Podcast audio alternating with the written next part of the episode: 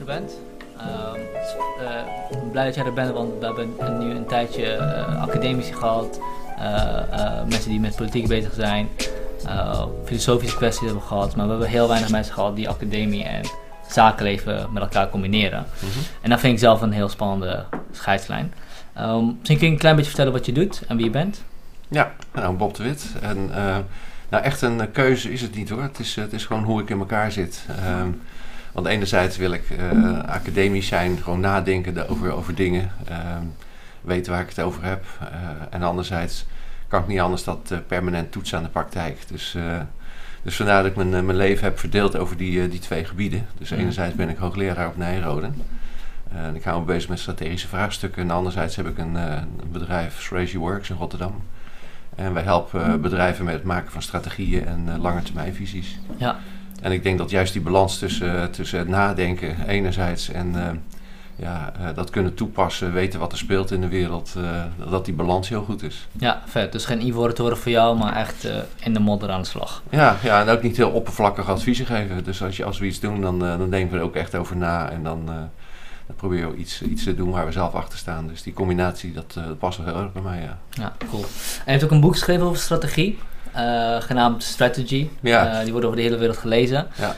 Um, kun je een beetje uitleggen wat, wat bedrijfsstrategie nou precies inhoudt? Wat, hoe is het meer dan een bedrijfsplan bijvoorbeeld? Ja, ja. Nou, ik heb overigens meerdere boeken geschreven, hè? maar inderdaad, je hebt gelijk. Uh, een van die boeken die wordt in 70 landen gebruikt. Er zijn ook allerlei vertalingen van. Dat is op zich wel geestig, want dan heb je een Chinese vertaling en nou ja, dan, dan zie je je boek liggen. Je kan hem zelf niet meer lezen. dat, dat, vind ik op zich wel een geestig, geestig iets. Ja. Um, ja, strategie gaat eigenlijk over um, het begrijpen van de toekomst. Het gaat over besluiten nemen die, ja, uh, die je moet leiden in een gewenste toekomst. Mm. En um, uh, dus dat betekent dat je iets van een langetermijnvisie moet ontwikkelen. Uh, je moet een beetje weten wat er speelt in de wereld. Dan moet je ook een beetje een kader geven. en daar besluiten voor nemen. En mijn boek gaat er eigenlijk over dat, dat allerlei strategische vraagstukken. Um, die, die, die leiders moeten maken voor hun organisatie um, uh, ja, de organisatie die juist de keuzes moet laten maken om uh, in de gewenste toekomst te geraken. En wat er nou je, moet, je moet de, de organisatie de keuzes laten maken? Nee, je moet de leiders die moeten de keuze ja. maken. En het gaat dus ook over hoe je dat dan doet. Hè. Het gaat mm. ook over strategieprocessen, het gaat over de inhoud van strategie. Het gaat over de context waar je in zit. Dus de ene context is weer anders dan de andere context. Um, maar daar gaat het eigenlijk het hele boek over. En wat nou het bijzondere is aan strategische vraagstukken. En ik denk dat dat het grote de grote belemmering is voor, voor heel veel managers of leiders om echt een strategisch leider te worden. Mm -hmm. Is dat heel veel vraagstukken zijn van operationele aard. Hè? Dus uh, als je, als je uh, een, een operations manager bent of je een IT manager of zo, dan maak je een keuze en dit is dan goed en dat is dan slecht. Mm -hmm. Maar de kenmerk van strategische vraagstukken is dat, je het, dat het nooit een, een het is geen puzzel. De, dus dat hele boek van mij dat gaat over twaalf strategische paradoxen. -hmm. En paradox wil zeggen dat uh, je kunt niet kiezen tussen het een en het ander, maar je moet een vorm vinden om de, om de combinatie te gaan maken. Uh, um, we weten bijvoorbeeld in bedrijven heb je mensen die denken heel erg outside in, hè, vanuit de klant, vanuit de markt redeneren.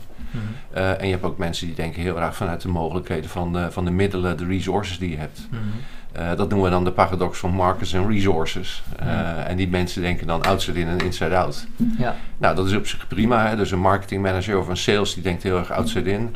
Uh, en iemand van IT of uit operations denkt heel erg van inside out. En wat nou bijzonder is voor een, voor een strategisch leider, is dat je niet een keuze moet maken, de een gelijk geven en de ander ongelijk.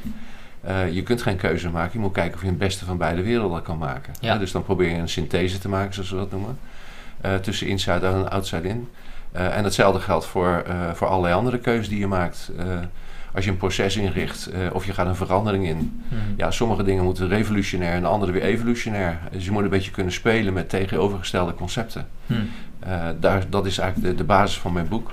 En dat maakt goede leiders, dus strategische leiders en, en slechte strategische leiders. Ja, dus een goede strategische leider die, die verbindt eigenlijk de verschillende elementen in zijn bedrijf tot een, tot een coherent geheel. Ja, en dan liefst op een hoger niveau. Hè. Dus, dus je probeert zeg maar uh, twee tegenstrijdigheden als, als je dat gaat polariseren, dan krijg je het slechtste van beide werelden. Mm -hmm. En als je de, het vermogen hebt om het te verbinden, dan krijg je het beste van beide werelden. En dat maakt een hele goede strategische leiding. Ja. En dan ook naar een hoger niveau noem je? Dus dat betekent dat, je ook, dat je ook beide kanten beter maakt? Ja, je probeert uh, daar het beter van te maken. Ik zal je een voorbeeld geven. Als je een bedrijf hebt met bijvoorbeeld vijf verschillende business units of zes verschillende business units. en die zitten allemaal in een ander soort markt, hè, een ander soort omgeving. Uh, dan moet je zorgen dat ze zeker autonomie geven. Hè. Als ze autonomie hebben, dan kunnen ze ook inspelen op de specifieke kenmerken van, uh, van die business. Ja. Aan de andere kant, die ben niet voor niks samen. Uh, dus je probeert ook synergie te halen. Ja. Um, maar hoe meer je het decentraal maakt, hè, dus dan, hoe meer autonomie en hoe meer responsiveness, zoals we dat noemen. Mm maar hoe minder synergie. En hoe meer synergie, hoe meer je gaat zoeken naar de synergie ertussen, hoe meer je ruimte weglaat voor de business units om aparte keuzes te maken. Nou, dat is dan die spanning. Ja. Uh, en dan zie je dus dat, uh, dat, dat je eigenlijk, het is een, het afwegen, wat doe je dan apart en wat doe je samen. Hè? Dat is permanent daar naar zoeken. En, en dat kun je wel op een hoger niveau krijgen. Ja. En zo is er bijvoorbeeld een, gewoon, iedereen, iedereen kent dat voorbeeld, een, een franchise. Mm -hmm. franchise is specifiek hiervoor ontwikkeld. Hè, dat je een franchise-nemer, die is zelfstandig, heeft hij een business. Maar hij maakt wel gebruik van de grootschaligheid van, uh, van zeg maar het hoofdkantoor. Hè. Dus bijvoorbeeld een, een, McDonald's, die zit heel erg in een lokale uh, omgeving. Het is het beste voorbeeld van, van een franchise, iedereen kent het. Hmm. Uh, maar ze maken wel gebruik van de inkoopkracht van, de, van het geheel en, en, en, de, en de financiële voorraden die ze hebben, de, middelen. En, en ze kunnen ook een opleiding maken voor franchise-nemers en zo. En, en dat is dan weer een, combina een, combinatie van beide op een hoger niveau. En dat is eigenlijk wat je dan probeert te doen. Ja, en uh, hoe verschilt in deze dan een strategische leider van een diplomaat?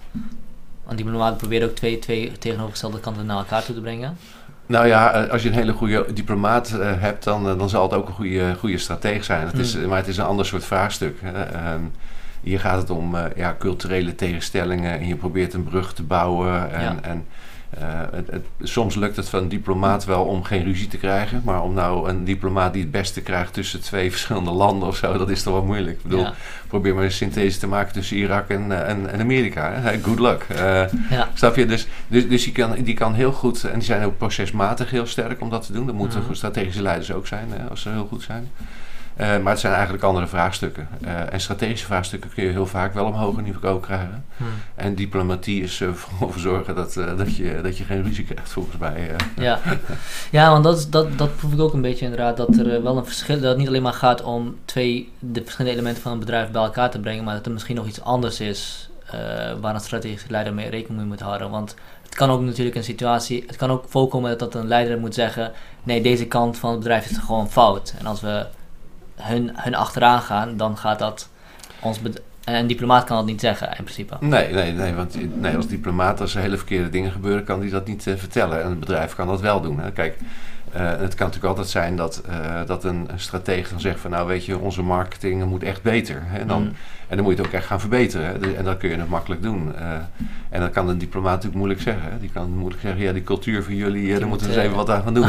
dus, dus, een, en dus ja. dan moet je gewoon nemen als, als gegeven inderdaad. Ja. ja. ja. En um, in, in, dit, in, dit, in de tijd waar we leven, waarin heel veel grote bedrijven heel veel problemen ondervinden en uh, uh, uh, heel veel uitdagingen ondervinden vanwege veranderende structuren, vanwege technologische ontwikkelingen, wat is het op dit moment echt belangrijk voor, voor leiders? En niet alleen maar in de sfeer van hoe kunnen ze het beste hun bedrijf voortzetten, maar in de sfeer van hoe kunnen ze het, het beste meegaan met technologische ontwikkelingen en, ja. en, en, en waarde toevoegen aan de wereld. Nou, je zegt het goed. Uh, het grote onderwerp van deze tijd is, uh, is toch de techno technologische revolutie. Hmm. Um, uh, je moet je voorstellen, je hebt een bedrijf en dan komen er allerlei nieuwe technologieën aan. Dat leidt tot allerlei nieuwe verdienmodellen, hele nieuwe businessmodellen, hele nieuwe concurrenten, soms van een hele andere kant vandaan. en dat, dat maakt dat strategisch denken, dus na nadenken over waar het doel voor is en, en wat die technologische ontwikkelingen doet. Hmm. Dat is wel de uitdaging op dit moment. Uh, want er zijn zoveel technologieën die tegelijkertijd spelen. Uh, dat uh, ja, je moet eigenlijk een goede leider zijn. Um, je moet een goede strateeg zijn, maar je moet eigenlijk ook nog begrijpen wat al die technologische ontwikkelingen eigenlijk gaan doen. En dat zijn zoveel technologische ontwikkelingen tegelijkertijd. Hmm. en die spelen eigenlijk in alle sectoren, in, in verschillende tempo's overigens. Hè. Dus in sommige bedrijfstakken gaat het heel snel, andere gaat het heel langzaam, maar eigenlijk overal, overal speelt dat. De tijd waarin we leven is toch de tijd van de, van de grote technologische revolutie. Ja, en van de versnellingen ook. De, de enorme versnelling, ja. ja. Want die technologische, eh, de meeste technologieën die zijn dat zijn digitale technologieën of technologieën gebaseerd op digitale technologieën. en dan gaan met de snelheid van het licht. Het is, het is echt ongelooflijk wat een enorme versnelling er, er plaatsvindt. Ja, en ehm, dus aangezien een leider, een strategisch leider, naar de toekomst moet kunnen kijken en daarop een visie moet kunnen uitbouwen en technologische ontwikkelingen de grootste ontwikkelingen zijn op dit moment en degene die het snelst gaan, moeten goede leiders weten wat er in de technologische sfeer gebeurt. Ja, ja. Willen ze niet uh, uh, achtergelaten worden, of laat ik zo zeggen. Hoe doe je dat? Want uh, de veranderingen zijn zoveel en gaan zo snel. Ja. Um, ja. Nou, dat is, dat is toch een, een gedeeltelijk toch ook een, een competentie, wat hmm. niet iedereen in huis heeft. Ehm, kijk, heel lang hebben we gehad dat we een redelijk stabiele, markt, een stabiele maatschappij zaten, waarin uh, leiders en managers, dat was ongeveer hetzelfde. Als je een goede mm. manager was, dan was je ook een goede leider. En dat had te maken met de stabiliteit van de omgeving waar we in zaten. Juist met deze enorme versnelling um, mm. kun je door alleen maar te managen, kun je niet, uh, dan houdt het gewoon echt een keertje op. Hè? Ja. Dus je, je, moet nu echt een, een, een, een, leider zijn en de ontwikkelingen oppakken, het begrijpen, het vertalen naar een organisatie mensen meekrijgen, uit kunnen leggen wat, eh, wat er gebeurt en waarom het gebeurt. En dat is, dat is de enorme uitdagende voor, voor strategische leiders op dit moment. Ja.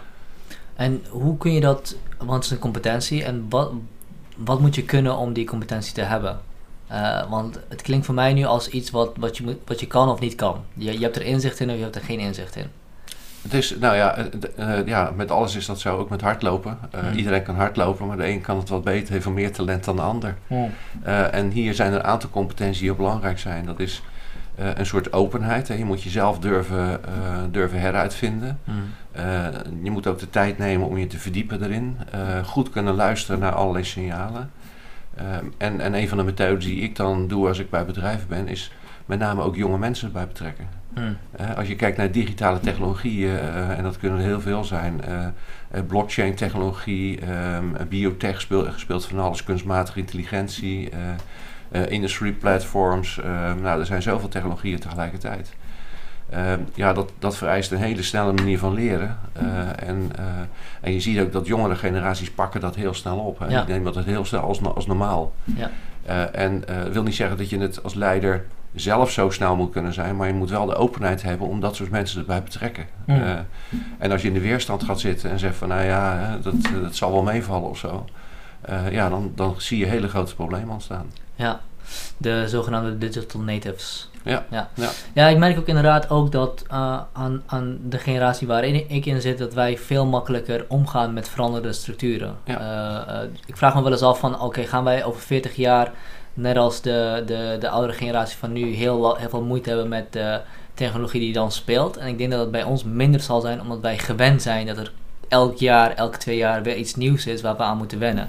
Dus die, verander, die, die veranderingsstructuur is eigenlijk een onderdeel geworden van, wat, wij, van wat wij doen. Nou, dan pakken wij pak een groot deel van onze generatie dingen veel sneller op. Ja. En wat je eigenlijk lijkt te zeggen is dat de generatie die dat niet gewend is, die inderdaad in een stabiele omgeving opgegroeid is, uh, een soort van acht, uh, even een stapje terug moet zetten en moet leren van die, uh, van die flexibiliteit van de nieuwe generatie. Ja, en, maar ook voor jezelf die keuze maken van ik wil mee met deze tijd en ik ga gewoon even tijd aan, aan besteden om, om erin te duiken. Ja. kijk, en die snelheid is natuurlijk heel relatief, want de afgelopen 3.500 jaar is de wereld steeds sneller gegaan. Hè? Dat zie je ook steeds uitspraken, ja, het gaat nu steeds sneller. En dat mhm. is ook zo dus je kunt je voorstellen dat als je vroeger in een agrarisch tijdperk leefde, uh, dat, dat jouw leven zag ongeveer hetzelfde uit van je vader en van je, van je grootvader en je overgrootvader. Dat was niet een heel groot verschil. En door de eeuwen heen is het steeds sneller gegaan. Toen zijn we gaan handelen, toen moesten we actiever zijn. Uh, um, en, uh, dus iedere keer is het ook sneller gegaan. Het bijzondere van de mens is wel dat het adaptatievermogen om te veranderen is op zich heel groot. Mensen kunnen goed veranderen. Ja. Um, maar je verandert eigenlijk, uh, als, als je jong bent, dan ben je gewend aan de snelheid om je heen. Maar om dan te versnellen, als je wat ouder wordt, dat is wat mensen moeilijk vinden. Hè? Dus, dus, um, dus de snelheid van verandering heb, heeft andere generatie ook wel, maar die snelheid van verandering is weer lager dan de nieuwe generatie. Ja, dat, is een soort gewendheid eraan. En wat er ook nog in speelt, is dat, en dat is een algemeen uh, iets van mensen, uh, het, het, leren omgaan met, met, uh, met verandering, daar zijn we eigenlijk vrij goed in. Hè. Als je vergelijkt met mhm. andere dieren, zoals zebra's en krokodillen. Um, Alleen wat we eigenlijk weer niet zo goed kunnen, is afleren. Hè, dus eh, we, we leren wel iets nieuws of zo, Mhm. maar we vinden het heel moeilijk om af te leren. En, en dan zie je dan ook dat, eh, dat, eh, eh, dat mensen altijd weer vasthouden aan oude normen en hoe het vroeger was en hoe het hoort. En, en, eh, dus je ziet dat heel veel, mensen nemen heel veel het verleden mee. En dat zie je bijvoorbeeld ook eh, in, in sectoren, of, of je, nou, je ziet het ook in onze maatschappij bijvoorbeeld. Mhm. Onze maatschappij verandert ook heel snel. Eh, digitalisering gaat ook heel erg snel. Ehm, eh, en dan moet je eigenlijk ook een andere vorm van democratie gaan kiezen. Hè. Je moet een andere manier het land aansturen. Nou, wat doen we? We blijven maar vasthouden aan het, aan het, aan het oude partijenstelsel, links en rechts, terwijl het al lang geen vraagstuk meer is. Ehm, en als je bijvoorbeeld kijkt hoe Nederlands eh, aangestuurd wordt, eh, nou, uit het, van heel vroeger hebben we nog steeds een koning, die hebben we gewoon meegenomen. Hè. Dus, eh, Mhm. Daarna hebben we de provincies hebben we gemaakt. Nou, die hebben we ook nog steeds meegenomen. Waterschappen waren vroeger om, belangrijk om, om droog te blijven of zo. Nou, die, die hebben we ook nog allemaal gehouden. Terwijl Ja. het gewoon geen issue meer is. Eh, en vervolgens hebben we een, een Tweede Kamer eh, en een Eerste Kamer. En alle- alles nemen we mee. Dus het hele verleden zit als het ware in het hele politieke systeem. En al die verschillende bestuurslagen. Ja, dat is En, en, en wij vinden het, kennelijk vinden we het moeilijk om te zeggen: van, Nou, weet je wat, begin even helemaal opnieuw. We kijken even wat we nodig hebben en we beginnen gewoon weer met een eh, blanke vel papier. En dat ziet er dan anders uit. Maar Ja. we slepen altijd het hele verleden met ons Ja. mee. En dat zie je heel vaak.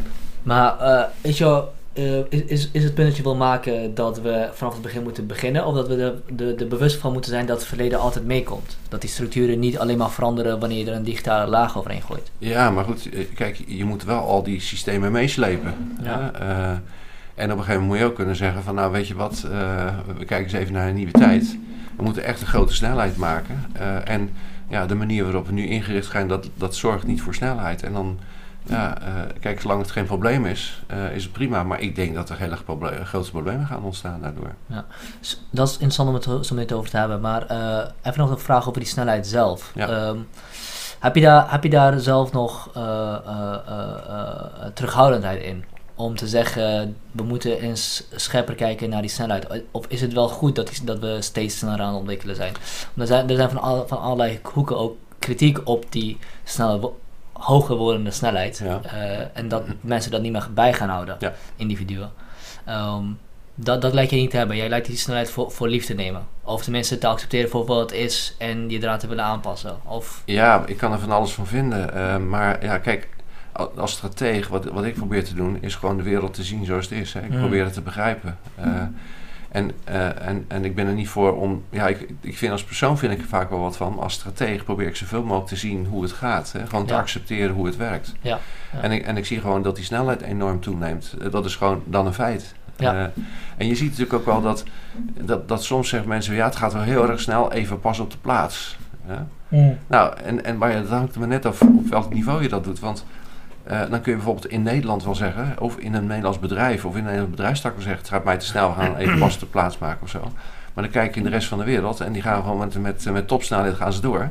Mhm. Eh, en voor je het weet eh, loop je gewoon achter. loop je achter. En dat, dat, zie je bij, dat zie je op heel veel dingen. Ehm, eh, het aantal patenten bijvoorbeeld op de blockchain. Hè? Nou, er zijn enorme discussies over ja, blockchain, dat gaat hem niet worden, weet je wel, dat, dat soort discussies.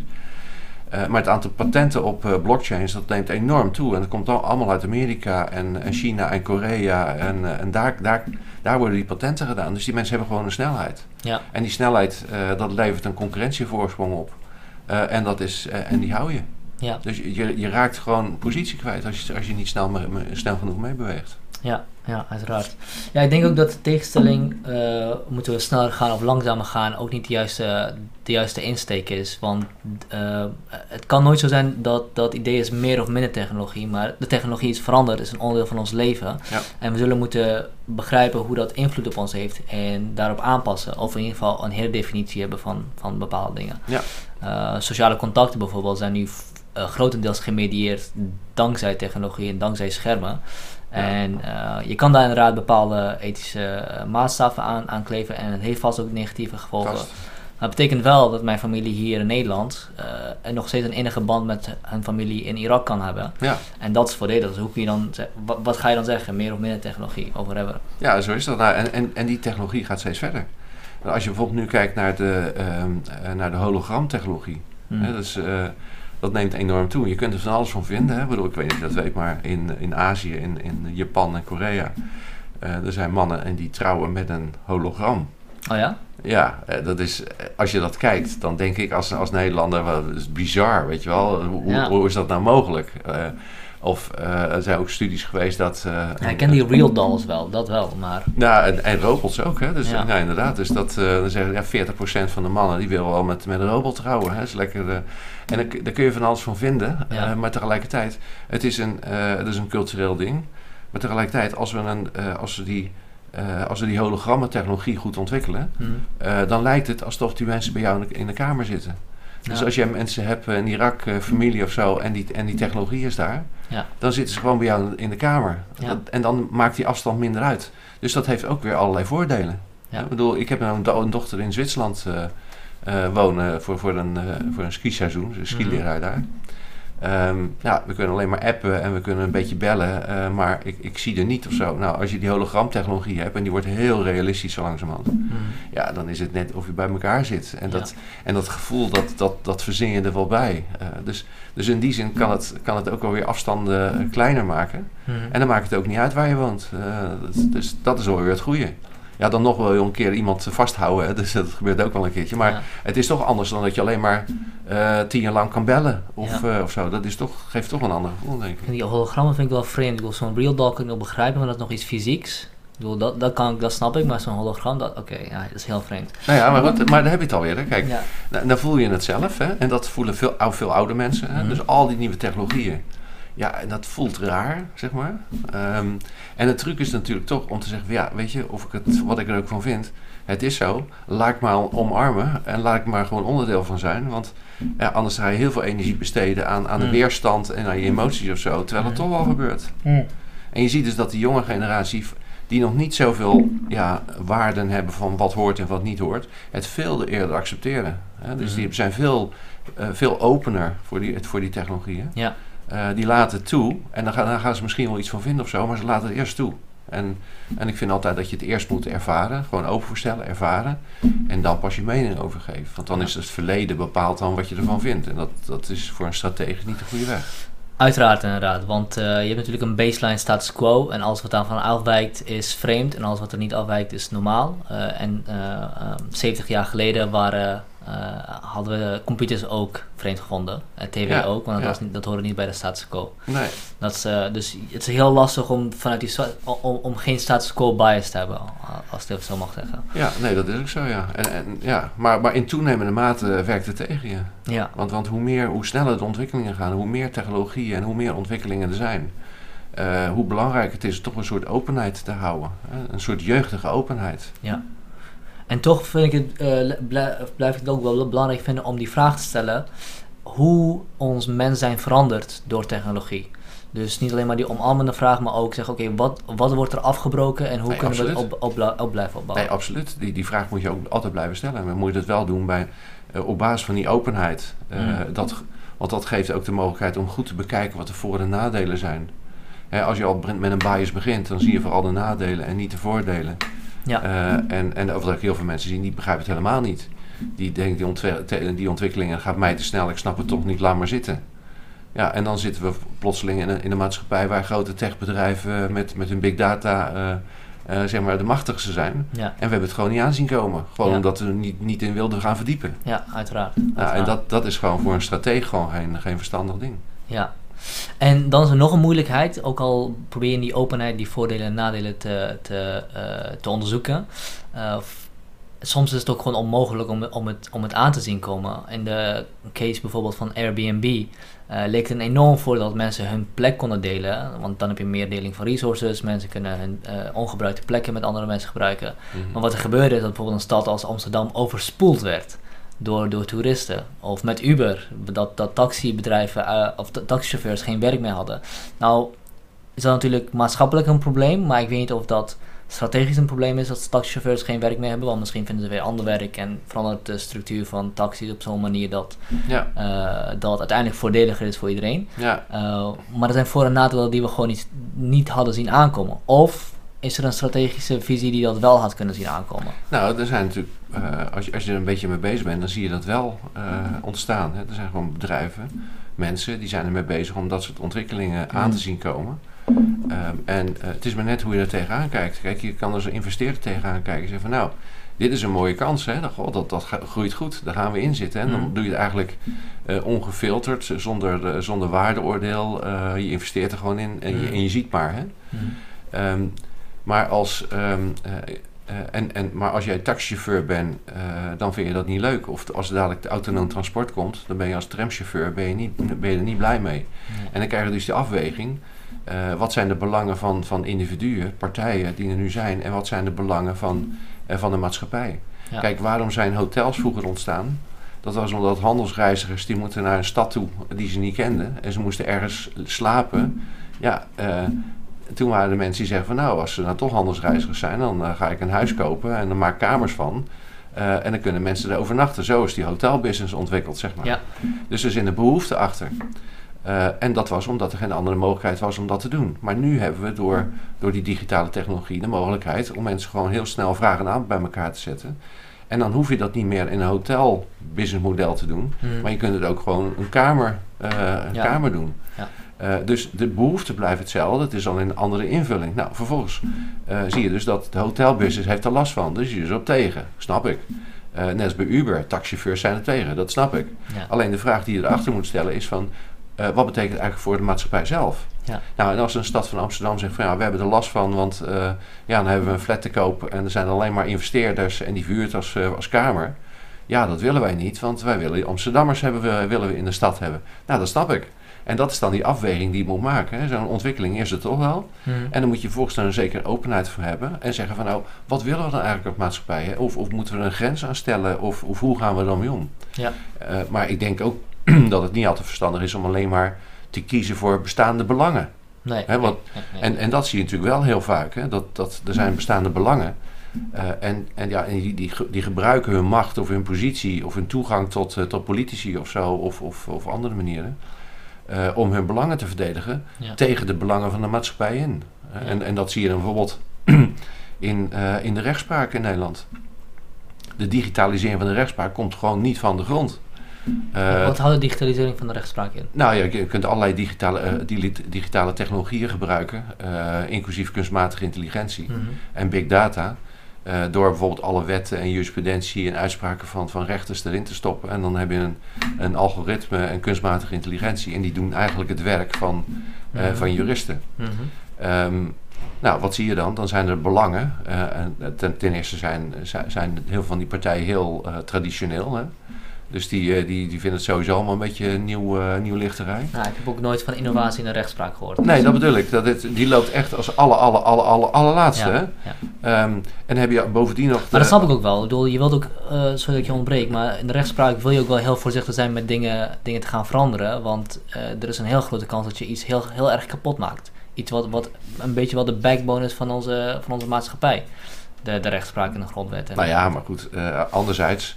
Uh, als je nou een lijst maakt van, uh, van onderdelen van onze maatschappij, wat echt aan vernieuwing en verbetering toe is, mm -hmm. dan staat de rechtspraak ook bovenaan. Hè? Mm -hmm. uh, want dat is het minst, het minst goed functionerend deel van, van onze maatschappij. Okay. Dus je zou eigenlijk zeggen van nou, nou hebben we eindelijk een technologie die ervoor zorgt dat het uiteindelijke doel, hè, rechtvaardigheid, rechtszekerheid, rechtsgelijkheid, mm -hmm. om, om daar dichterbij te komen. Nee, zeggen, zeggen de spelers.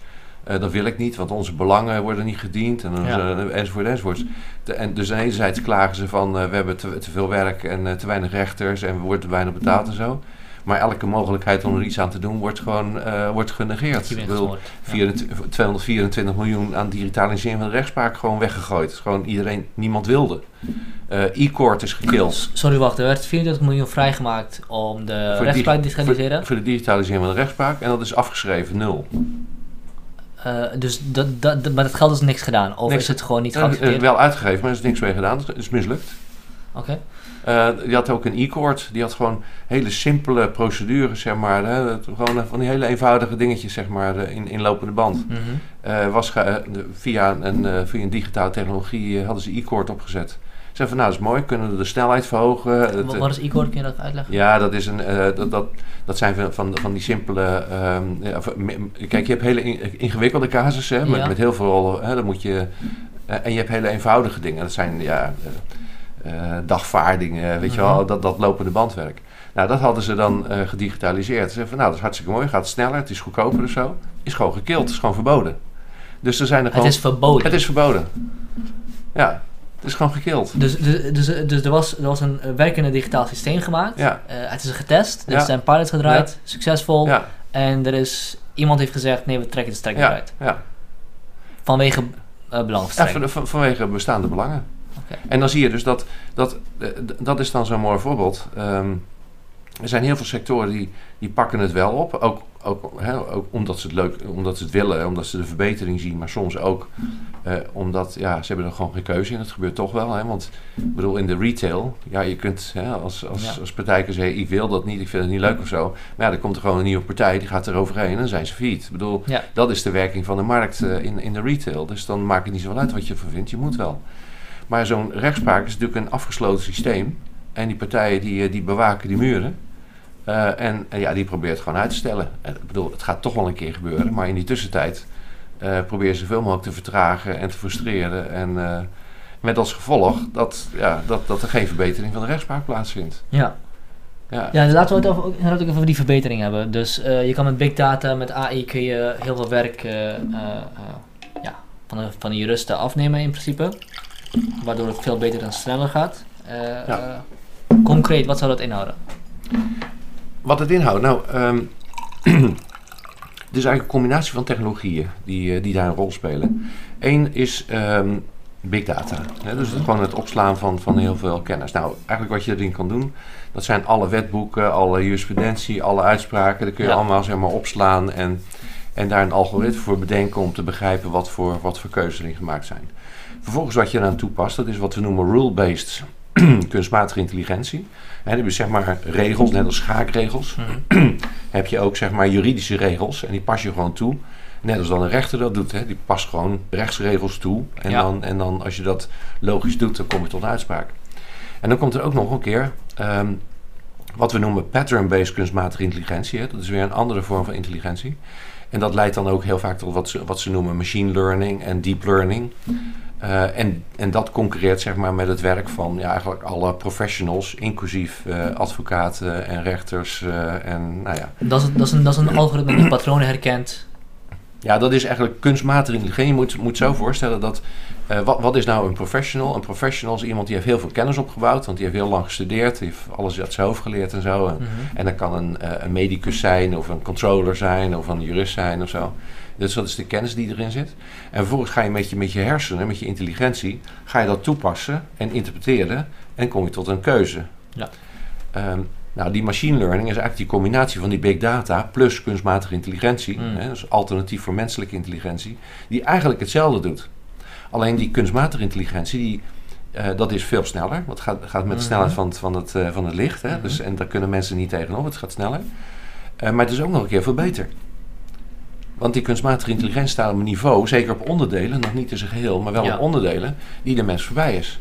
Ja. En daarmee kun je dus de kwaliteit van de rechtspraak kun je, kun je, eh, kun je verbeteren als je die kant op gaat. En misschien is het ook wel zo dat juist omdat mensen voelen dat, ze, dat het niet in hun belang is, Mhm. eh, dat ze proberen om de positie die ze hebben zo lang mogelijk vast te houden. En er zijn natuurlijk ook allerlei vertegenwoordigende organen van eh, in die rechtspraak die, ja, die hebben dan een soort eh, hoofdmissie gemaakt om veranderingen tegen te houden. En dan heb je het alweer. Eh, wij als, hè, als, als niet hè, alle andere mensen in de maatschappij hebben er gewoon last van. Mhm. Nou, wat voor afweging maak je dan? Hmm. Dat is interessant hoe eh, bepaalde belangen en, en muren in bepaalde sectoren die ja, toch wel heel belangrijk zijn voor de werking van rechtsstaat, eigenlijk Ja. de, de voortgang en innovatie daarvan, daarvan tegenhouden. Ja. Ehm, eh, wat ik interessant vind is waarom er altijd zo, waarom, waarom die weerstand bestaat. Ja, natuurlijk belangen, Ja. eh, geld zal er wel bij spelen, status. eh, maar het zal ook wel natuurlijk gewoon veel ongeloof zijn. Want ik kan me ook wel, ik kan me ook wel voorstellen dat het heel gevaarlijk zou kunnen zijn om een, om een machine keuzes te laten maken over wie levenslang in een bak gaat zitten en wie niet. Ehm, Nou, dat weet ik niet. ik weet niet of dat zo is. Waarom zouden ze het niet beter kunnen dan de mens? nee, dat zeg ik niet. Dat of ze het niet beter of niet, eh, niet beter kunnen of beter kunnen. Ik zeg, ik kan me voorstellen dat daar ook inhoudelijke argumenten tegen zouden zijn. Ehm, Nou, maar eens één. Want ehm, wellicht wil je de, de emotionele kant behouden. En wellicht wil je er altijd nog ruimte houden dat er iets nieuws kan ontstaan. Dus dat is wel bij machine learning volgens mij niet het geval. Dat, er, eh, eh, eh, dat ze kunnen afwijken van de regels. En mensen kunnen dat soms wel. Hmm. Nou, ehm, Dat is waar creativiteit vandaan komt. oh, de creativiteit. Nou ja, ehm, ja. Nou, oké. Eh, eh, ehm, laat ik even beginnen met, met die rechtspraak dan. Ja. Er zijn experimenten geweest hè, met, met zo'n digitale rechtspraak. En en eh, toen hadden ze dus een aantal, hadden ze dus die algoritmes ontwikkeld en kunstmatige intelligentie hadden ze gewoon een aantal casussen die, eh, die hadden ze erin gestopt. En hadden ze een nieuwe casus eh, hadden ze erin, hè, hadden ze aangeboden om te kijken wat er dan gebeurt. Nou, wat was hun conclusie? Dit werkt niet, want ehm, weet je, kunstmatige intelligentie die discrimineert. Ze discrimineren op, op, op achtergrond, op religie, op Ja. kleur en op Ja. leeftijd en op geslacht. Ja. Nou, wat ik verbazend vind, dat, ze de, dat de juristen er twee dagen over deden om erachter te komen dat dat een, een spiegel van hunzelf was. Hè, daar zei, want, ehm, want mensen die zijn eigenlijk niet zo goed, is dat ongefilterd kijken zonder vooroordeel en zo. Ja, Mhm. die mensen zijn ervoor opgeleid, dat is hun doel, maar ze kunnen het nog steeds niet. Mhm. Eh, en dan zie je dus dat de uitspraken die ze doen, is helemaal niet unbiased. Er zit allerlei eh, discriminatie en dat is onderdeel van, van de mens. Nou, wat er dan gebeurt is, is, oh, dat is niet de bedoeling. Nee, dat is niet de bedoeling. Oké, ehm, nou dan gaan we de algoritmes aanpassen, want we mogen dus niet meer discrimineren op, eh, op geloof, eh, op, eh, op, op geslacht, op leeftijd en, en op allerlei andere kenmerken. En dan ga je als het ware met die, met die algemene uitgangspunten, ga je weer zeg maar, de rechtspraak corrigeren. Mhm. Dus dat, eh, dat is eigenlijk een verbetering. Maar dit is een onderdeel van de mens waar gewoon, ja, waar de mens gewoon niet goed in is. Laten we wel wezen. Ik bedoel, met elkaar omgaan als je, als je er anders uitziet of zo, eh, of iets anders gelooft of zo. Mhm. Daar zijn mensen gewoon niet goed in. Daar moet je gewoon eerlijk over zijn. Weet je wel, dat is gewoon heel veel gedoe in elke maatschappij. Mensen vinden dat raar als je het anders bent of zo. Weet je wel. Dus, dus dat is gewoon niet, geen kerncompetentie van de mens. Maar als je nou bijvoorbeeld over creativiteit hebt. eh, nou, dat, dat zijn we wel. En we zijn zeker creatiever dan eh, zebra's en giraffen, hè, eh, zullen maar zeggen. En krokodillen. Eh, en krokodillen. Ehm, maar de vraag is maar, ehm, hoe goed, hoe, hoeveel beter wij zouden zijn dan, dan die machines. Hmm. Want dat is ook een bepaald algoritme. En sommige mensen kunnen dat wel. Maar niet iedereen is Van Gogh of een Rembrandt. Hè? Hmm. Dat zijn er ook maar een paar. En, en, en als je eenmaal weet wat de algoritmen zijn van, van creativiteit... Dan zie, dan zie je ook dat ze dat best kunnen. Hmm. Ehm, eh, er zijn ook al eh, allerlei experimenten geweest met, eh, met schilderexperimenten. Eh, met schilders en, en schildercomputers. En eh, nou, krijg je een opdracht en doe eens wat anders. Weet je wel, dat soort eh, algemene dingen.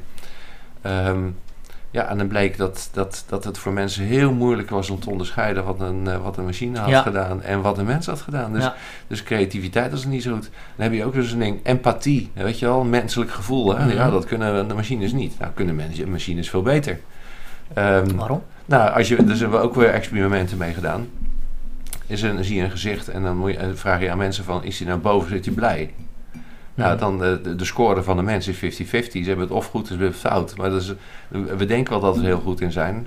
eh, maar dat valt nog wel tegen. Ja. Nou, wat er dan gebeurt is, dan, dan wordt er een, eh, dan, dan wordt die technologie wordt ingesteld en dan in je gezicht heb je heel veel tientallen spiertjes. Die worden allemaal meegenomen, wordt allemaal in een routine gemaakt. We hebben gekeken wat wat nou precies betekent of zo. Eh, en wat blijkt dan? Dan is die machine 90% scoren. Mhm. Dat is beter, het is bijna twee keer zoveel, het is eh, twee keer zo goed als de mens. Ja, ja. En, en, zo, en zo valt iedere keer weer zo'n zo'n zo'n element waarvan we zeggen van ja, maar dat kunnen wij, hè, kunnen wij, kunnen machines niet. Iedere Ja. keer valt er weer zo'n categorie af. Ja. Waardoor ik niet wil zeggen dat er helemaal niks overblijft. Alleen, ehm, eh, ja, we, we voelen het als een, eh, als een, ehm, eh, ja, als, als een bedreiging. Hè? Mhm. Dat is die machine, en, en dat, dat is in, in zekere zin ook zo. Ehm, wat he- op en steeds meer domeinen blijkt de mens gewoon toch niet zo goed te functioneren toen ze van die, eh, van die technologie als, Mhm. als wij denken.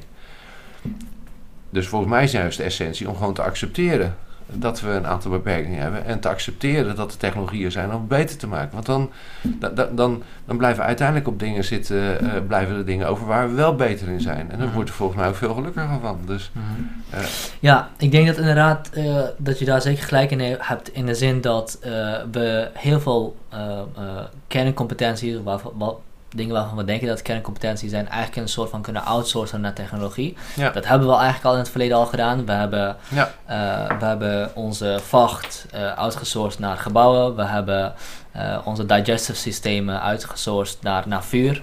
In principe, dat, dat doen we al. Dat hebben we al gedaan. We hebben onze, misschien onze existentiële angst uitgesourced naar religies. Nou, even om het niet te politiek te maken, maar zo zou je het kunnen zeggen. Dus je zou religie ook als technologie kunnen zien.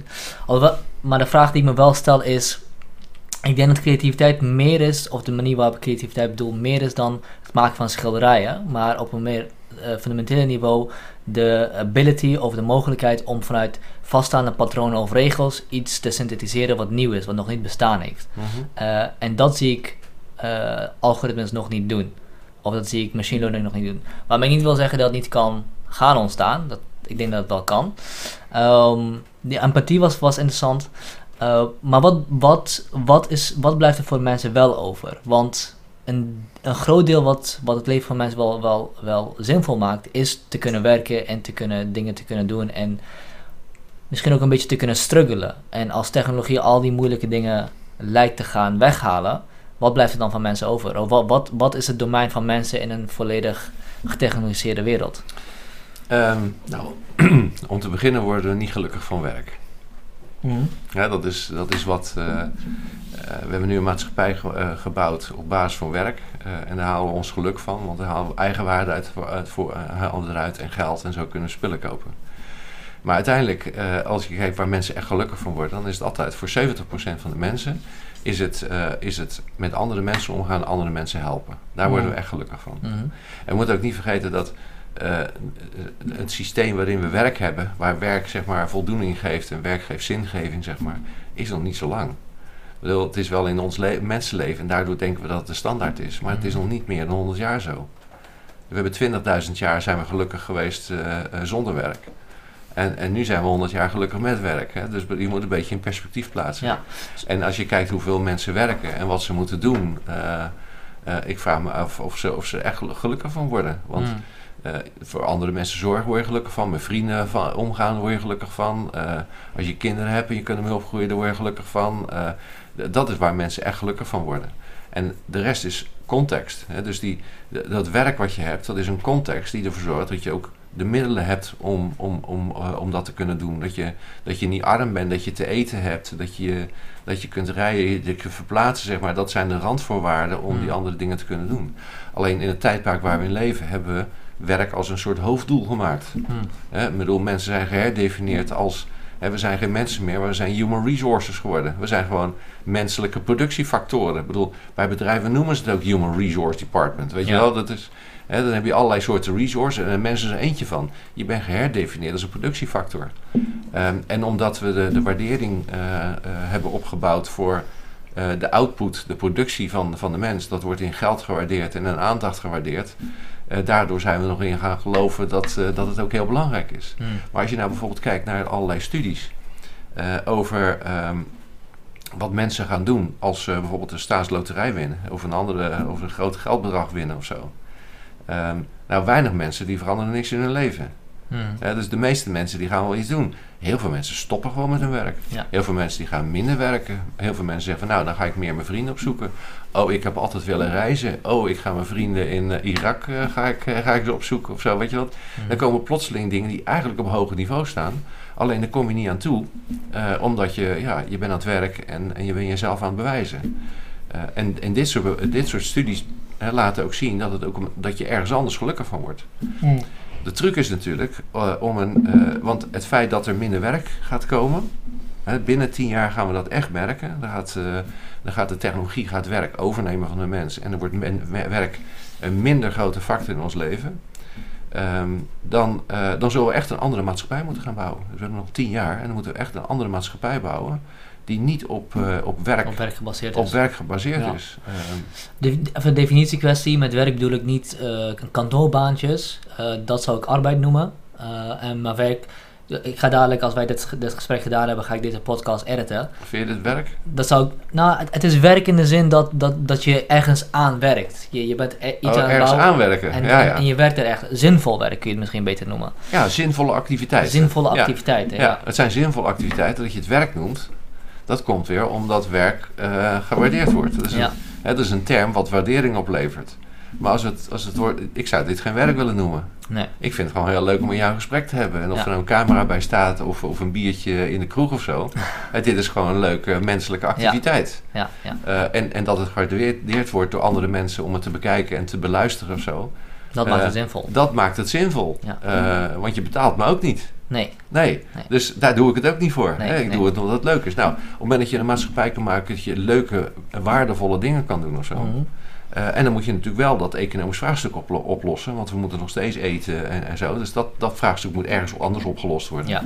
Maar je kan dus wel een andere uh, vorm vinden van activiteiten en inkomen. En, en dat is natuurlijk de uitdaging van de samenleving waar we naartoe gaan. Ja, daar hebben we nog tien jaar voor. Ja. Wat moet er veranderen om daartoe te komen? Oh, er moet heel veel veranderen. uh, er moet echt, echt alles moet gaan veranderen. Um, uh, het, het, hele economisch systeem moet gaan veranderen, om maar eens mee te beginnen. Um, we hebben nu een systeem waarin je werk hebt, dan krijg je inkomen, dan moet je belasting betalen, dan, dan komt dat bij, bij de overheid binnen, die gaat het rondpompen voor mensen die minder werk hebben of, of op een andere manier. Ja.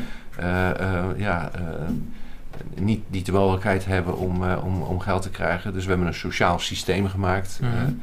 ook om wegen aan te leggen en scholen en zo. Dus een rondpompen van, van geld of zo. Uh, als er minder werk is, dan komt er ook minder belastinginkomsten binnen. Dan stokt dat systeem gewoon. Ja. Uh, dat systeem, systeem gaat gewoon dadelijk plat binnen tien jaar. Ja. Uh, dan moet er dus een alternatieve um, ja, economisch model moeten we maken. Hè. Dus het is ook niet voor niks dat er al heel veel nagedacht wordt over allerlei alternatieve economische vormen. Op allerlei plekken in binnen- en buitenland wordt er over nagedacht. basisinkomen zou heel bekend voor, voorkomen. Daar is ook een hele discussie over. Uh, maar je hebt ook alle lokale munten heb je, uh, en ruilmunten. En, uh, en, en er, zijn, er zijn heel veel Mhm. kleine initiatieven die er bezig zijn. Dus het economisch systeem zelf moet veranderen. Daardoor het maatschappelijk systeem moet veranderen. ook het politiek systeem zal moeten veranderen. dat, dat zal er ook echt anders uit moeten gaan uitzien. Mhm. en de relatie tussen mensen en bedrijven, dat, dat zal ook een grote verandering gaan, gaan krijgen, denk ik. Uh, de, je ziet nou toch wel de ontwikkeling van hele grote bedrijven met heel veel technologie. Ja. Uh, we moeten opnieuw gaan nadenken over wat privacy, uh, wat, dat, wat dat kost. Mm -hmm. dat is een enorm groot ethisch vraagstuk wat er plaatsvindt en de komende jaren nog veel meer plaats gaan vinden. Ja, eigenlijk, je zou bijna kunnen zeggen, elk onderdeel van de maatschappij moet we Ja. gaan bekijken. hoe zou een maatschappij zonder werk eruit kunnen zien dan? Want waar, waar, ik, waar ik een beetje waar ik moeite mee heb om te conceptualiseren is. Als, het, als mijn leven, als, als het leven van de meeste mensen er niet om draait om iets te kunnen doen waar iemand anders waarde voor terug wil geven, uh, wat kunnen ze dan doen? Dus dat, maar, en dat, dat is misschien, dat, daar komt ook jouw kritiek een beetje naar boven. Is, ik kan me op, op dit moment geen ander systeem voorstellen waarin ik iets doe Nee, waar iemand ander, nee, anders waarde in ziet en mij wat voor terug wil geven. nee klopt. Ehm, maar we moeten het wel binnen tien jaar kunnen. Ja, we moeten het wel gaan, gaan uitvinden. Er zijn natuurlijk allerlei mensen ook mee bezig om daar aan, aan te denken. Die vinden het leuk om dat uit te vinden. Ja. Maar probeer je nou eens eh, voor te stellen dat je, dat je zou leven in een, in een vorige eh, tijdperk. Mhm. hè? In een tijdperk dat er alleen maar landbouw is. Ja. Eh, en het enige wat je kan doen is, is de, de landheer eh, dienen. eh, door het land te bewerken en, eh, en, Ja. en al, dat, die, al die opbrengsten aan de landheer te geven. En dan krijg je een klein beetje terug dat je net, net niet doodgaat of zo. En er komt iemand aan en die zegt van joh, er is een machine uitgevonden, de stoommachine. En we gaan nou een industrieel tijdperk in en we gaan het anders doen of zo. Ja. Denk je dat die mensen hadden kunnen voorstellen hoe het industriële tijdperk eruit zag? Nee. En dat, zo moet je het nu ook een beetje zien. Ja. Hè? We zitten in een industrieel tijdperk. Je ziet allerlei dingen dat het anders gaat lopen, maar het is heel moeilijk om je voor te stellen hoe zo'n andere, hoe zo'n ander soort maatschappij eruit ziet. Mhm. En dat is ook, ik bedoel, niemand kan in een glazen bol kijken. Dus je zult met z'n allen moeten experimenteren, openstaan, kijken wat er werkt en wat niet werkt. En, en gaandeweg eh, eh, een, een ander soort maatschappij gaan bouwen. Ja. En wat zijn de criteria voor wat zal werken? Dus op, op welke criteria kunnen we een bepaalde experiment uh, accepteren of niet accepteren? Of, of, hebben die niet echt? Nou ja, je zou kunnen zeggen, het is een, uh, een mensen... Het zijn een aantal van, van die algemene dingen. We, we hebben een, uh, een mensensamenleving. Dus we mhm. moeten iets maken waarin, waarin mensen, alle mensen op de een of andere manier een zinvol bestaan kunnen hebben. dat is mhm. misschien een uitgangspunt. wat er ook nog bij komt kijken, is ook een betere manier moeten vinden tussen tussen de mens en het dier en, en, en andere organismes en uh, en de mens en de planeet. dat, mhm. dat zijn een beetje de, de, de, zeg maar de, de grote ontwerpvariabelen, zeg maar. Um, en, en op basis daarvan moeten we eigenlijk elk element moeten we opnieuw gaan bekijken. Het economisch model, het politieke model, um, ja, het hele sociale model. Uh, dat moeten we allemaal opnieuw gaan bekijken, denk ik. Ja. En opnieuw gaan bouwen. En er zijn alle ideeën over. Hè? Ik bedoel, er zijn, um, er zijn ook lokale munten gebaseerd op, uh, op blockchain technologie. Om te kijken of we dat... Uh, of we dat als ruilmiddel kunnen gaan gebruiken. Mhm. Ehm, dat we niet uh, centraal gaan produceren, maar decentraal dingen gaan produceren. Wat, wat, los je ermee op om een andere ruilmiddel te hebben? Wat, wat, wat, heb je dan opgelost? Want dan heb je, ben je dan niet gewoon geld aan het vervangen door ander geld? Ja, zeker. Maar, maar het is, uh, ja, we hebben natuurlijk een, een, nu een beetje een raar model. We hebben een groot monetair stelsel met, met een centrale bank die die bankvergunningen geeft en zo. Het is een, ja, een, een door kapitaal gedreven model. Mhm. Ehm, waar zeg maar doel en middel een beetje omgedraaid zijn. Hè? Dat bedoel, het geld zou een middel moeten zijn voor mensen, maar het lijkt nu wel het doel te zijn. Dus, ja. uh, en een van de dingen die je kan doen door decentraal te maken, is het weer een, uh, een, een, middel te laten zijn. Mm ik bedoel, je hebt allerlei lokale munten nu. die wordt gebruikt om, om diensten uit te wisselen. En de een die doet zonnepanelen op het dak. Dat is een mooi initiatief trouwens. Uh, dat hoorde ik een paar dagen geleden op de radio. Hmm. Een bedrijf die zegt van joh, uh, mogen wij een zonnepaneel bij jou op het dak zetten? En dan wordt het opgewekt en zo. En dan delen we de opbrengst. Dus mensen hoeven niet te investeren. Oh, nice. Maar ze krijgen dat, uh, ze verdienen natuurlijk zelf ook goed aan, daar niet van. Uiteraard, ja. Um, het is een initiatief, initiatief wat uit Bangkok komt en uit Mumbai. Uh, maar op zonne, uh, zonnepanelen op dak, dan wordt die zon opgewekt, dan hebben ze een batterij en dat kun je dan verkopen via een blockchain uh, op je smartphone. Mm. Dan kunnen mensen dus decentraal kunnen ze energie opwekken. Dat is een decentrale economie. maar je kunt ook bijvoorbeeld ja, een, een, soort, een soort kast neer te zetten in je tuin of zo, helemaal vol met technologie waar je niks aan hoeft te doen die sla of worteltjes produceert. en die kun je dan ook gaan, weer gaan verkopen. Dat is ook een onderdeel van een decentrale economie. Ja. Uh, en dat kun je weer uitruilen via zo'n lokale munt met, met iemand. Dus van jij wil worteltjes, alsjeblieft. Uh, maar goed, dan ga je voor mij de hond uitlaten. En, dat is ja, ook, ja, en dan zie je dus zo'n ruileconomie, zo'n decentrale ruileconomie zie je, zie, je, zie je ontstaan. Wat ook weer meer gemeenschapsgevoel geeft. Mm. Um, en ik zeg niet dat dat de oplossing is, maar het is wel een onderdeel van een richting waar we, waar, waar we moeten denken. Ja, in een, in een kleine maatschappij van misschien 100, 150 mensen in een tribe kun je dat doen zonder een munt. Want je weet van elkaar wat je elkaar verschuldigd bent eigenlijk. Dus je, je, je, weet, je hebt een bepaald gevoel, oh ik heb laatst dit van hem gedaan. Dit, dat kun je allemaal nog overzien. Maar in een maatschappij van duizend mensen zul je inderdaad een extern middel hebben om ja, je moet die doen, ja. wat, je, wat je elkaar verschuldigd bent uh, terug te geven. En, en, en het lijkt er dus op, zeker uit, uit wat ik van jou hoor, dat geld daar niet de juiste oplossing voor, voor blijkt te zijn. Nou, het is, het is een middel wat gewerkt heeft uh, in een bepaald tijdperk. Hmm. Maar wat je ook weer ter discussie moet kunnen stellen. Zeggen we, misschien is er wel een andere manier om dat te doen. Ja. Voor iemand die in, de, in het bedrijfsleven actief is, klinkt het heel communistisch. Maar ik ben helemaal geen communist. Ik ben sowieso niet, uh, niet politiek uh, geïnteresseerd. Nee. Um, het, ja, het klinkt raar, maar dat kan ik me ook niet voorloven. Als okay. je als je, als, je, ehm, als je bezig bent met strategische vraagstukken en je wil ongefilterd kijken wat daar gebeurt, uh, dan wil je juist niet een filter hebben. En of die filter nou religieus is, of die mhm. filter is, is politiek gekleurd of zo. Uh, ja, als, als mensen er last van hebben, dan vind ik dat niet mijn probleem. Want, want dat is mijn vak. Mijn vak is juist te kunnen zien wat er gebeurt en dat te kunnen plaatsen.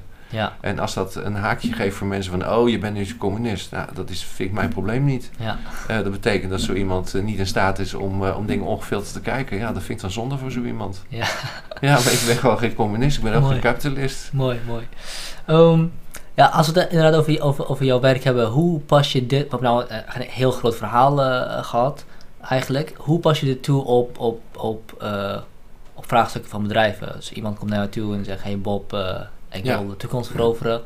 Ja. Eh, hoe, hoe, hoe, hoe, hoe, komt het, hoe is het concreet in zijn werking? Gaat het concreet, in zijn werking? Ja, nou wat, ehm eh, er, is een, er is een hele belangrijke stap die erin zit. En dat is dat eh, heel veel bedrijven die maken een, een strategie voor hun bedrijf op basis van de producten en diensten die ze hebben. Ze Mhm. maken een, een marktdefinitie, een productdefinitie of een dienstendefinitie. En, en op basis daarvan eh, gaan ze werken. Die technologie verandert eigenlijk de manier waarop je een bepaalde behoefte kan vervullen. Hmm. Eh, en dus een van, de, een van de stappen is om los te komen van je product en dienst. Opnieuw na te denken welke behoeften zitten erachter. En dan moet je op basis van die nieuwe behoeften, met die nieuwe technologieën, moet je andere combinaties gaan maken. Dan moet je op een andere manier die behoeften gaan vervullen. Eh, en in sommige sectoren gebeurt het heel goed. Ik zou een voorbeeld geven van een sector die het heel goed doet, vind ik.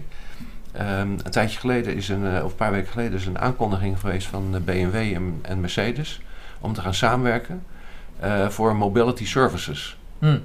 Dat is nou zo'n mooi voorbeeld. Hè? Die bedrijven zeggen van wij we are a car manufacturer. Hè? Wij, wij produceren auto's en we verkopen auto's. En die bedrijven zeggen van nou dat is niet meer zo. Ja. Wij, zijn, wij doen mobility services. Eh, en we gaan samenwerken om te kijken hoe we, en dat heeft natuurlijk met autonoom transport te maken. Ja. Dat weten we allemaal, die, die kant gaat het op. Dus ze zeggen van nou wij gaan mobility services maken.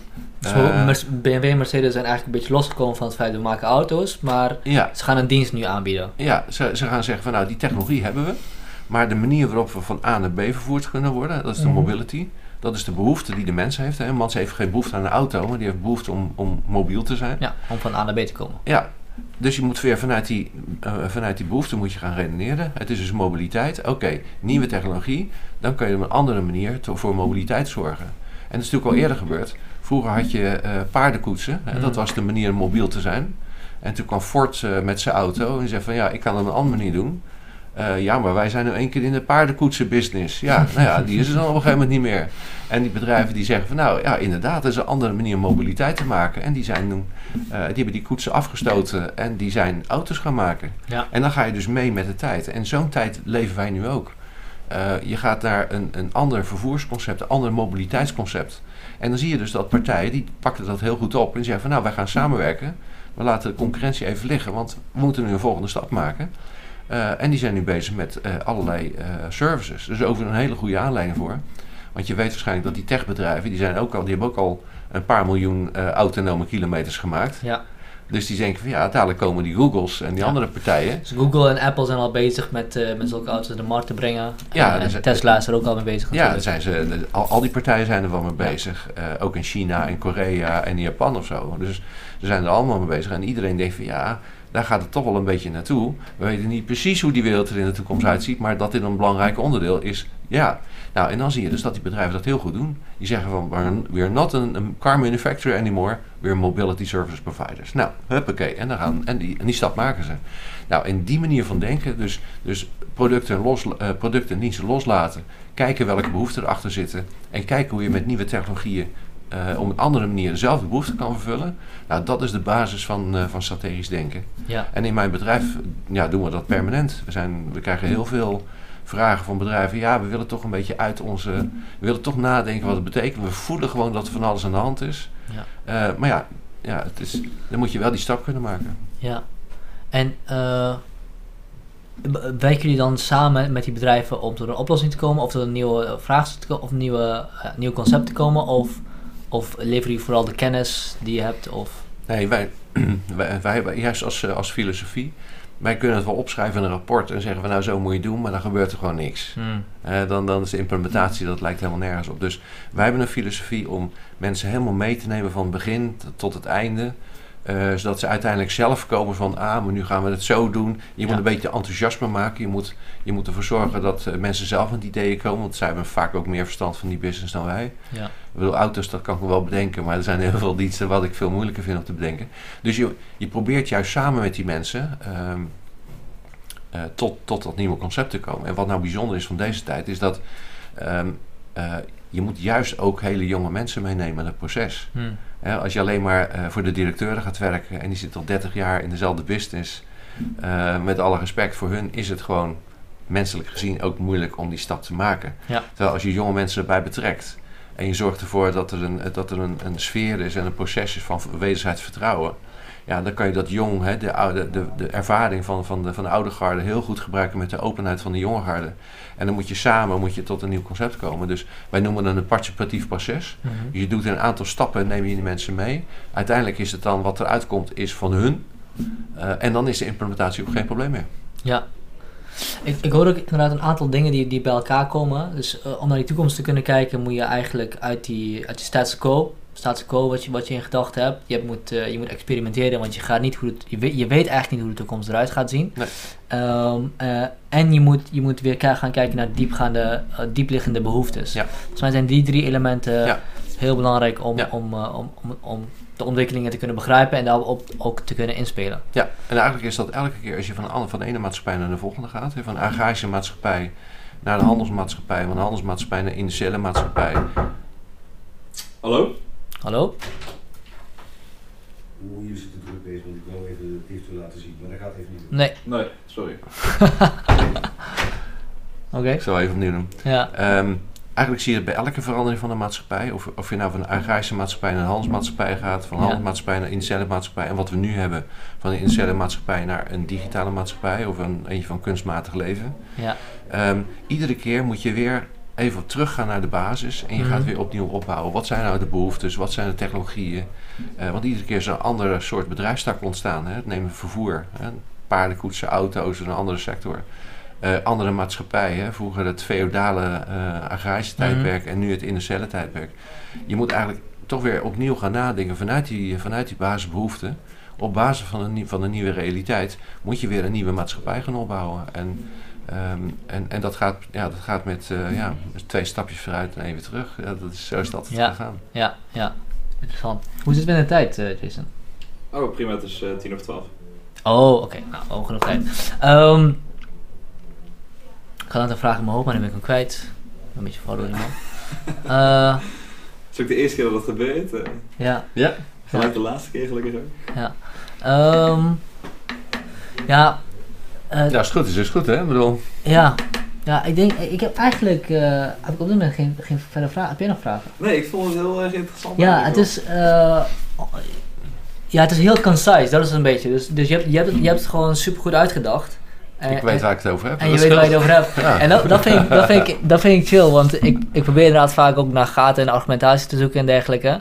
En ik noem, een paar dingen, maar je kaatst er meteen weer terug. Dus, ehm, Nou ja, het terug. Ik, ik heb, ja, weet je, ik, of je kaatst je hebt, een- je hebt een heel duidelijk, duidelijk, duidelijk antwoord elke keer weer. En dat is, ik dat is op goed. sommige, in sommige weken zoveel presentaties. Ook op hele grote, grote podia. En ook in, in binnen- en buitenland. Hmm. Eh, dus nog even los van Nijrode en, eh, en mijn bedrijf. Eh, ik word steeds meer gevraagd voor allerlei presentaties, eh, Ja. groot en klein. Eh, de grootste is 18.000 eh, mensen en, en kleine weer soms 20 of zo. Ja. En, en, als je, en je, zit, je begint op gegeven- het is niet altijd hetzelfde verhaal vertellen, maar het is wel, je zit zo goed in het verhaal en je krijgt altijd wel weer vragen terug, weet je wel. Mhm. En dan komt er altijd vragen aan de zaal en denk van, oh, daar had ik niet aan gedacht. Ehm, en, ehm, maar ik heb nog wel een onderwerp voor je hoor, als je dat leuk vindt. Graag, zeker. Eh, en, en soms krijg je ook zo'n, eh, eh, krijg je gewoon vragen van mensen krijg je terug. En denk je van, ja, verdomd zeg, dat, dat is wel interessant. Ehm, en zo ook weer zo'n, we hebben het nu over digitale technologieën gehad. Eh, maar wat we er nog niet over gehad hebben is biotechnologie. Hmm. En biotechnologie is ook nog een keer heel fundamenteel. Hè? Dat, dat, gaat, dat gaat er ook wel inhakken, want ehm, misschien hebben we dat eh, gehoord een paar weken geleden. De geboorte van Lulu en Nana in, in China. Oh, de, wat was dat nou? Die, die zijn genetisch gemanipuleerd, toch? Ja, ja dat is dus de gebruik maken van een, eh, van een nieuwe technologie. Dat heet de CRISPR-Cas9 technologie. Mhm. Eh, en daarmee kun je knippen in het DNA van, van mensen. Ja, dus dan zijn we gewoon het DNA van de mens aan het manipuleren. Ja. En in dit geval was het een ja, zeg maar wetenschappelijk experiment zogenaamd. Eh, waarin een man met HIV, hebben ze het HIV uit het DNA geknipt. Mhm. Eh, als een wetenschappelijke test. Ja.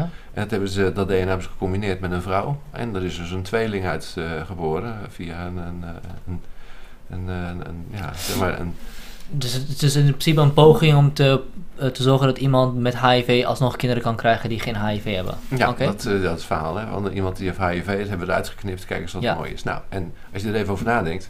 Kijk, heel veel mensen hebben natuurlijk in de familie ook wel een of andere erfelijke ziekte. En hè, iets, iets, wat- ja, weet je, als, als mijn kinderen dat maar niet hebben. Of, of het nou taaislijmziekte is, of, of, of, of eh, jonge Alzheimer, of nou, bedenk, bedenk het maar. Er zijn gewoon heel veel eh, van, dat soort, eh, van dat soort ziektes die, Mhm. die gewoon er zijn. Hè? Dat is, die kun je dus met deze technologie eruit knippen. Nou, wat is dan het dilemma? Als, je, als je echt zo'n zo'n er- ernstige ziekte hebt en je, en je wil kinderen hebben of zo, en je krijgt de mogelijkheid om ervoor te zorgen dat je die thuislijmziekte niet in jouw familie meer voorkomt, ja, dan moet ik nog zien wie dan zegt van nou, ik, eh, ik wil het experiment wel wagen. Dus vanuit een indi- individueel perspectief eh, ga je dat dan ook zeggen van nou, dat wil ik wel graag. Mhm. Ehm, maar ja, wat gebeurt er nou als, als iedereen in zijn DNA kan gaan lopen knippen? Dan zijn we eigenlijk designer baby's aan het maken. We zijn designer mensen aan het maken. Dan zijn we de mensen aan het upgraden. Dan Mhm. zijn we aan het manipuleren. We zijn de mens aan het veredelen, zou je Mhm. kunnen zeggen. Mhm. Wat betekent het dan op maatschappijniveau? Willen we dat of niet? Nou, die, die ethische vragen, daar, daar zijn we nog helemaal niet aan toe. En wat we hebben gezegd is dat eh, in Europa hebben we in ieder geval regels gemaakt. Van, nou, dat, daar willen we eerst over nadenken, dat doen we niet. Maar ja, eh, er zijn toch heel veel delen van de wereld eh, wat, waar, ze dat, waar ze er anders tegenaan kijken. En die gaan gewoon verder. Mhm. Eh, en dat doen ze dan ook. Die zijn gewoon rustig bezig met deze technologie. En die zijn gewoon bezig met het veredelen van de mens. Nou, dan krijg je dus in bepaalde delen van de wereld... daar leven dus een grote hoeveelheid veredelde mensen. Eh, en dan krijgen we een ander vraagstuk. Wat, wat moeten wij dan als, als niet veredelde mensen... hoe gaan we daar dan mee om? Ja. Eh, en ja, dat, is- dat levert enorme ethische vraagstukken op. Ehm, eh, en zo kunnen we ook ja, allerlei. Ook, we zijn ook bezig met de veroudering van de mens te manipuleren. We zijn gewoon met de mens zelf aan het, eh, aan het donderjagen. Mhm. Dus niet alleen de maatschappij veranderen, maar ook nog een keer de mens zelf is aan het veranderen. Ja. En, en, en plus dan al die mensen, die misschien hebben dat ook wel, wel gezien. Er is ook een soort hype op dit moment eh, is, er, eh, is er aanstaande. Van mensen zeggen van nou, we kunnen ook onze lichaam up upgraden met technologie. Mhm. Eh, en sommige mensen zijn er voorzichtig in. Een lolligheidje, weet je wel. Een, een chip onder je huid. Ja, een chip onder je huid dat je de deur kan openen. Of je auto, weet je wel. Dat, van, van, van, van dat soort onschuldige upgradejes, zeg maar. eh, maar wel, wel kek. Maar er zijn mensen die gaan veel verder. En die zijn echt serieus bezig om zichzelf te upgraden. Alles wat ze kunnen vinden, dat doen ze ook. Hè. Dat, dat wordt ook als cyborgs genoemd hè, in, in de science fiction films. Eh, maar er zijn serieus mensen die vinden zichzelf een cyborg en die doen er alles aan om dat voor elkaar te krijgen. Hm. En die zijn allerlei technologieën op zichzelf aan het toepassen. Ik vind eh, biotechnologie echt super interessant en ook eh, cybertechnologie, hoe we het noemen, implantaten en chips in je lichaam. Super interessant omdat ehm, technologie is eigenlijk altijd iets geweest wat we externaliseren en wat buiten ons is en natuurlijk wel weer effect op ons heeft. Maar nu keert het zich naar binnen en gaat aan de binnenkant dingen veranderen. Ja. En eh, biotechnologie is daar heel interessant in. Want aan de ene kant zijn genen zeker de bouwstenen van, van hoe een mens opgebouwd wordt. Maar aan de andere kant is het bij, is er bij biologie ook steeds meer kritiek op die blueprint, eh, blueprint perspectief op DNA. Het lijkt steeds minder, het lijkt, het lijkt erop dat DNA toch minder deterministisch is voor wat we als mens worden eh, dan, we, dan voorheen dachten. En dan ga je er weer de vraag krijgen, hoe, hoe, designer, hoe sterk zijn die designer baby's die we maken? Laat staan dat we geen idee hebben hoe DNA, hoe DNA zich vertaalt tot, tot een volledig mens. Dus Ja. überhaupt daarin gaan lopen knippen en dergelijke is heel lastig. Ja, maar het is, een, het is één groot experiment. Ja, Het is één groot, we weten het ook inderdaad niet. Ja. En we, En- weten, we weten niet of het tot nieuwe ziektes leidt. Eh, we weten niet of het degeneratie betekent. We weten het gewoon niet. ja. Wat we wel weten is dat de mens is natuurlijk nog lang niet uitgeëvalueerd. Daar Mhm. zijn we gewoon te jong voor. Mhm.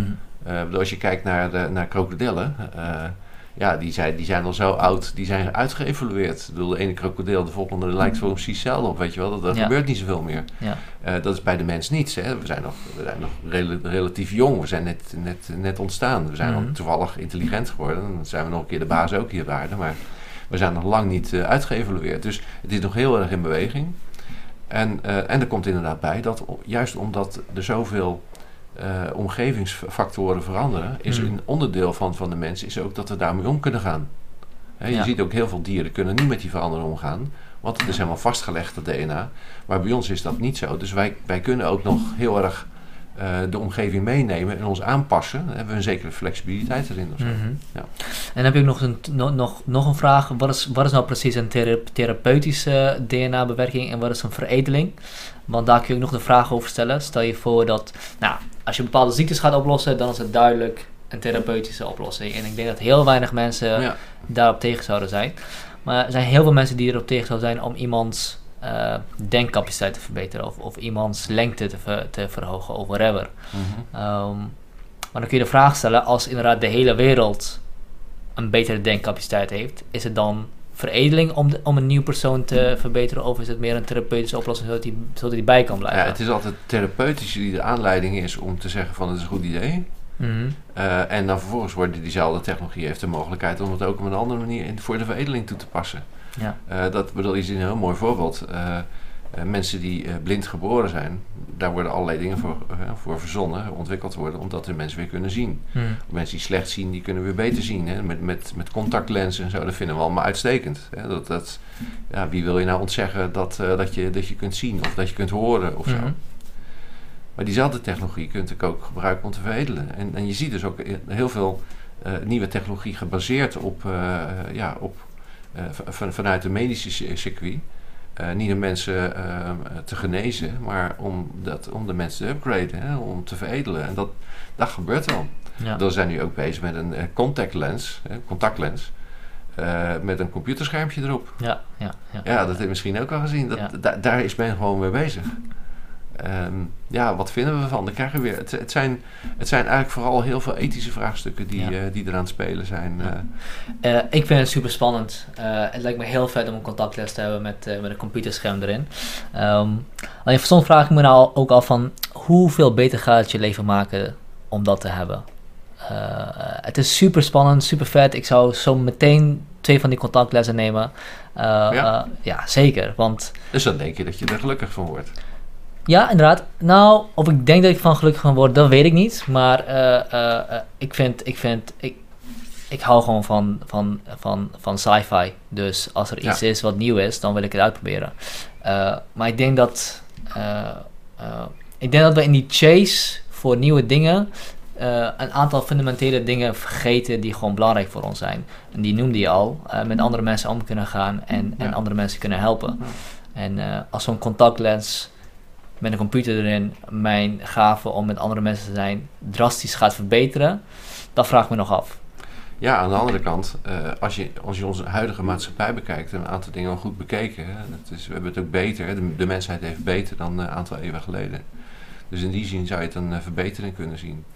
Aan de andere kant, ja, hoe we met elkaar omgaan en, en hoeveel voor elkaar zorgen en hoeveel we tijd besteden aan sociale dingen of zo, is er wel, is is er wel minder door geworden. Hmm. Dus eh, het, het, volgens mij kan het ook nog steeds wel beter. Ik bedoel, we hebben een betere maatschappij gemaakt dan vroeger, maar Ja. perfect is het nog lang niet. Ja. Het is maar dat, dat we wel moeten, eh, daarover moeten nadenken en die dingen meenemen die het toch weer beter kunnen maken. Ja. Die technologie heeft het, heeft het in zich.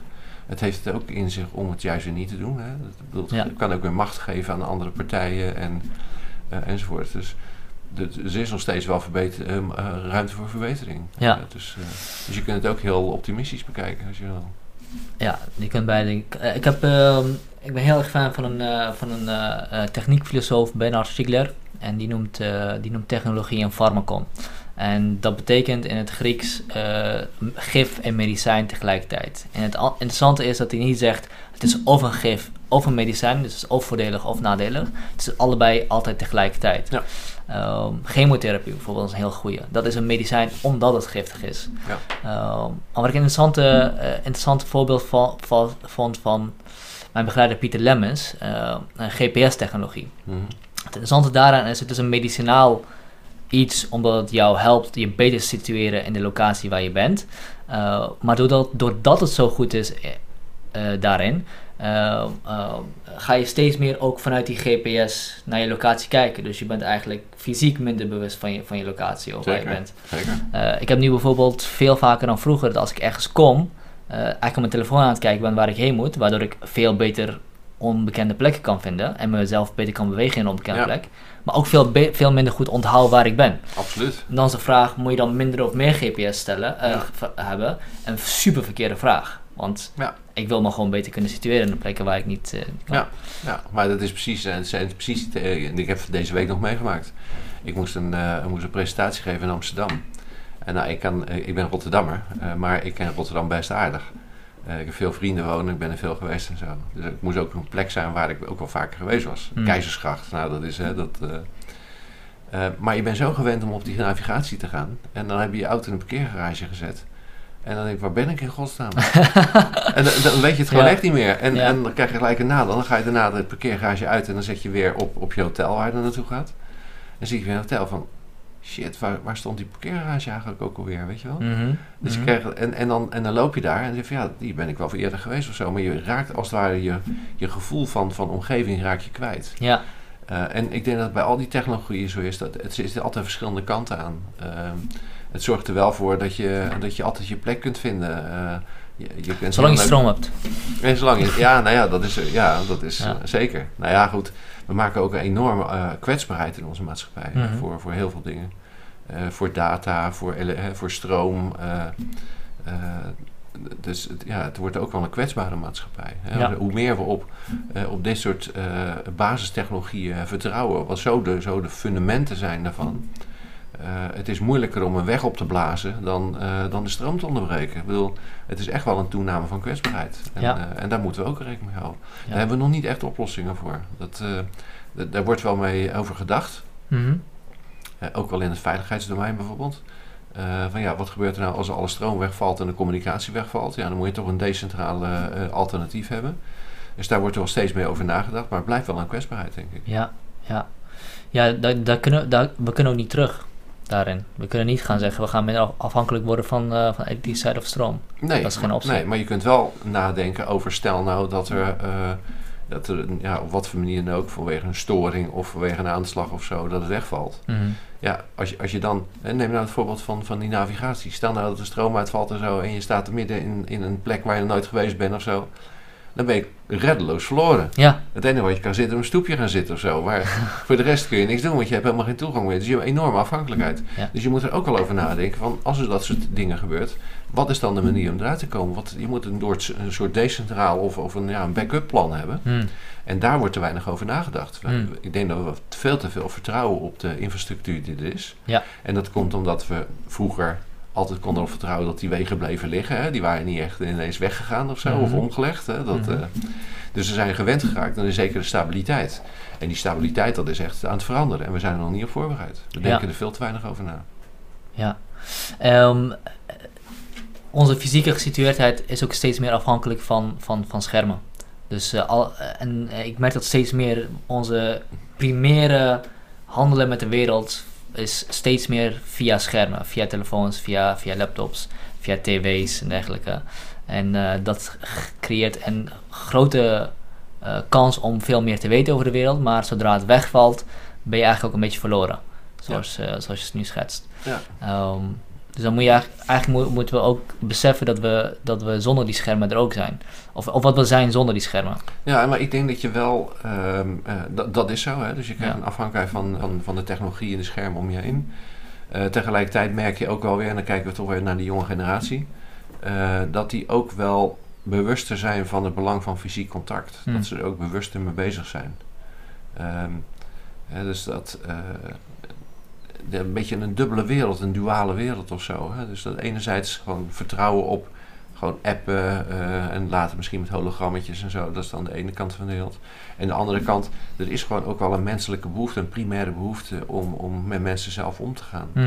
Eh, dus dat, ik denk dat dat ook wel ontwikkelt. Dus Ja. dat sociale kant van de mens gaat ook wel ontwikkelen, denk ik. Is- het, is- het interessante is dat als, soms als eh, bepaalde dingen moeilijker worden of meer naar de achtergrond vallen, dus die fysieke situ- gesitueerdheid, dat je dan snapt wat het belang ervan is en dan juist eigenlijk beter ermee om kan gaan. Bijvoorbeeld is misschien, eh, misschien is het lichamelijke beweging. Mm. Vroeger had iedereen genoeg lichamelijke, lichamelijke beweging, dus aan sporten dat was niet een, dat was niet een ding. Nee. Nu we een heel sedentaire samenleving hebben, zijn mensen veel meer bewust met hun, met hun lichamelijke gezondheid. Dus juist omdat we minder bewegen, zijn we beter aan het bewegen of misschien zoiets. Nou ja, wat je nu krijgt is dat, dat zijn we dan bewust. Dan komen de appjes. En dan heb je zo'n bandje om je pols. En Ja. je krijg je een berichtje van... joh, luister, voor jouw eh, gezondheid is het beter... als je nog even een stukje gaat fietsen of zo. eh. Mhm. Want als je dat niet doet, dan, hè, dan krijg je dat en dan, dan en dat. En zeker met jouw lichamelijke gesteldheid en jouw DNA... raak je dat echt af. Hè? Want als je dat gaat Ja. doen en je staat te, te weinig stil... dan gaat deze ziekte kan ontwikkelen. En, eh, en dan, dan is er een andere drive om dat te doen. Dus vroeger ging het automatisch. Mhm. Eh, en nu krijg je allerlei feedbacks. Eh, dus je zal ook zien dat gezondheid is steeds meer een preventie. En steeds gepersonaliseerder ook. en en helemaal, helemaal, pers- he- helemaal gepersonaliseerd. Ja. Ehm, eh, meer preventie en veel minder reparatie. En, en gewoon doorlopen als je omvalt, dan, eh, dan ga je naar de dokter toe of zo. Dat, eh, dat, Ja. dat zal wel voorbij zijn. eh. Er zijn trouwens ook echt bedrijven waar je je DNA heen kan sturen om een, om een, om een analyse te maken van je, ja, je genetische, genetische make-up. Super interessant. Zeker. En wat ja, je daarmee kan doen. Zeker. Ja. Ik, heb je nog iets? Nee? Nee? Bob, hartstikke bedankt. Ik vond het super interessant. Dankjewel. En eh, ja, we gaan zien over tien jaar. Misschien dat we dan nog een keer dit doen en kijken hoe ver we zijn Ja, misschien nog gelijk even de agendas en even inplannen. Dat we, nou, misschien is tien jaar wel heel ver weg. Ja. Maar, ehm, maar misschien moeten we er een routinetje van maken. Elke twee jaar nog eens even, Ja, dat lijkt me zeker een leuk. maken. Ja, dat lijkt me zeker een goeie. Abonnementje. Ja, abonnementje. Recurring revenue. Top. Dankjewel. Ciao. Oeh, dat was mooi. Ja.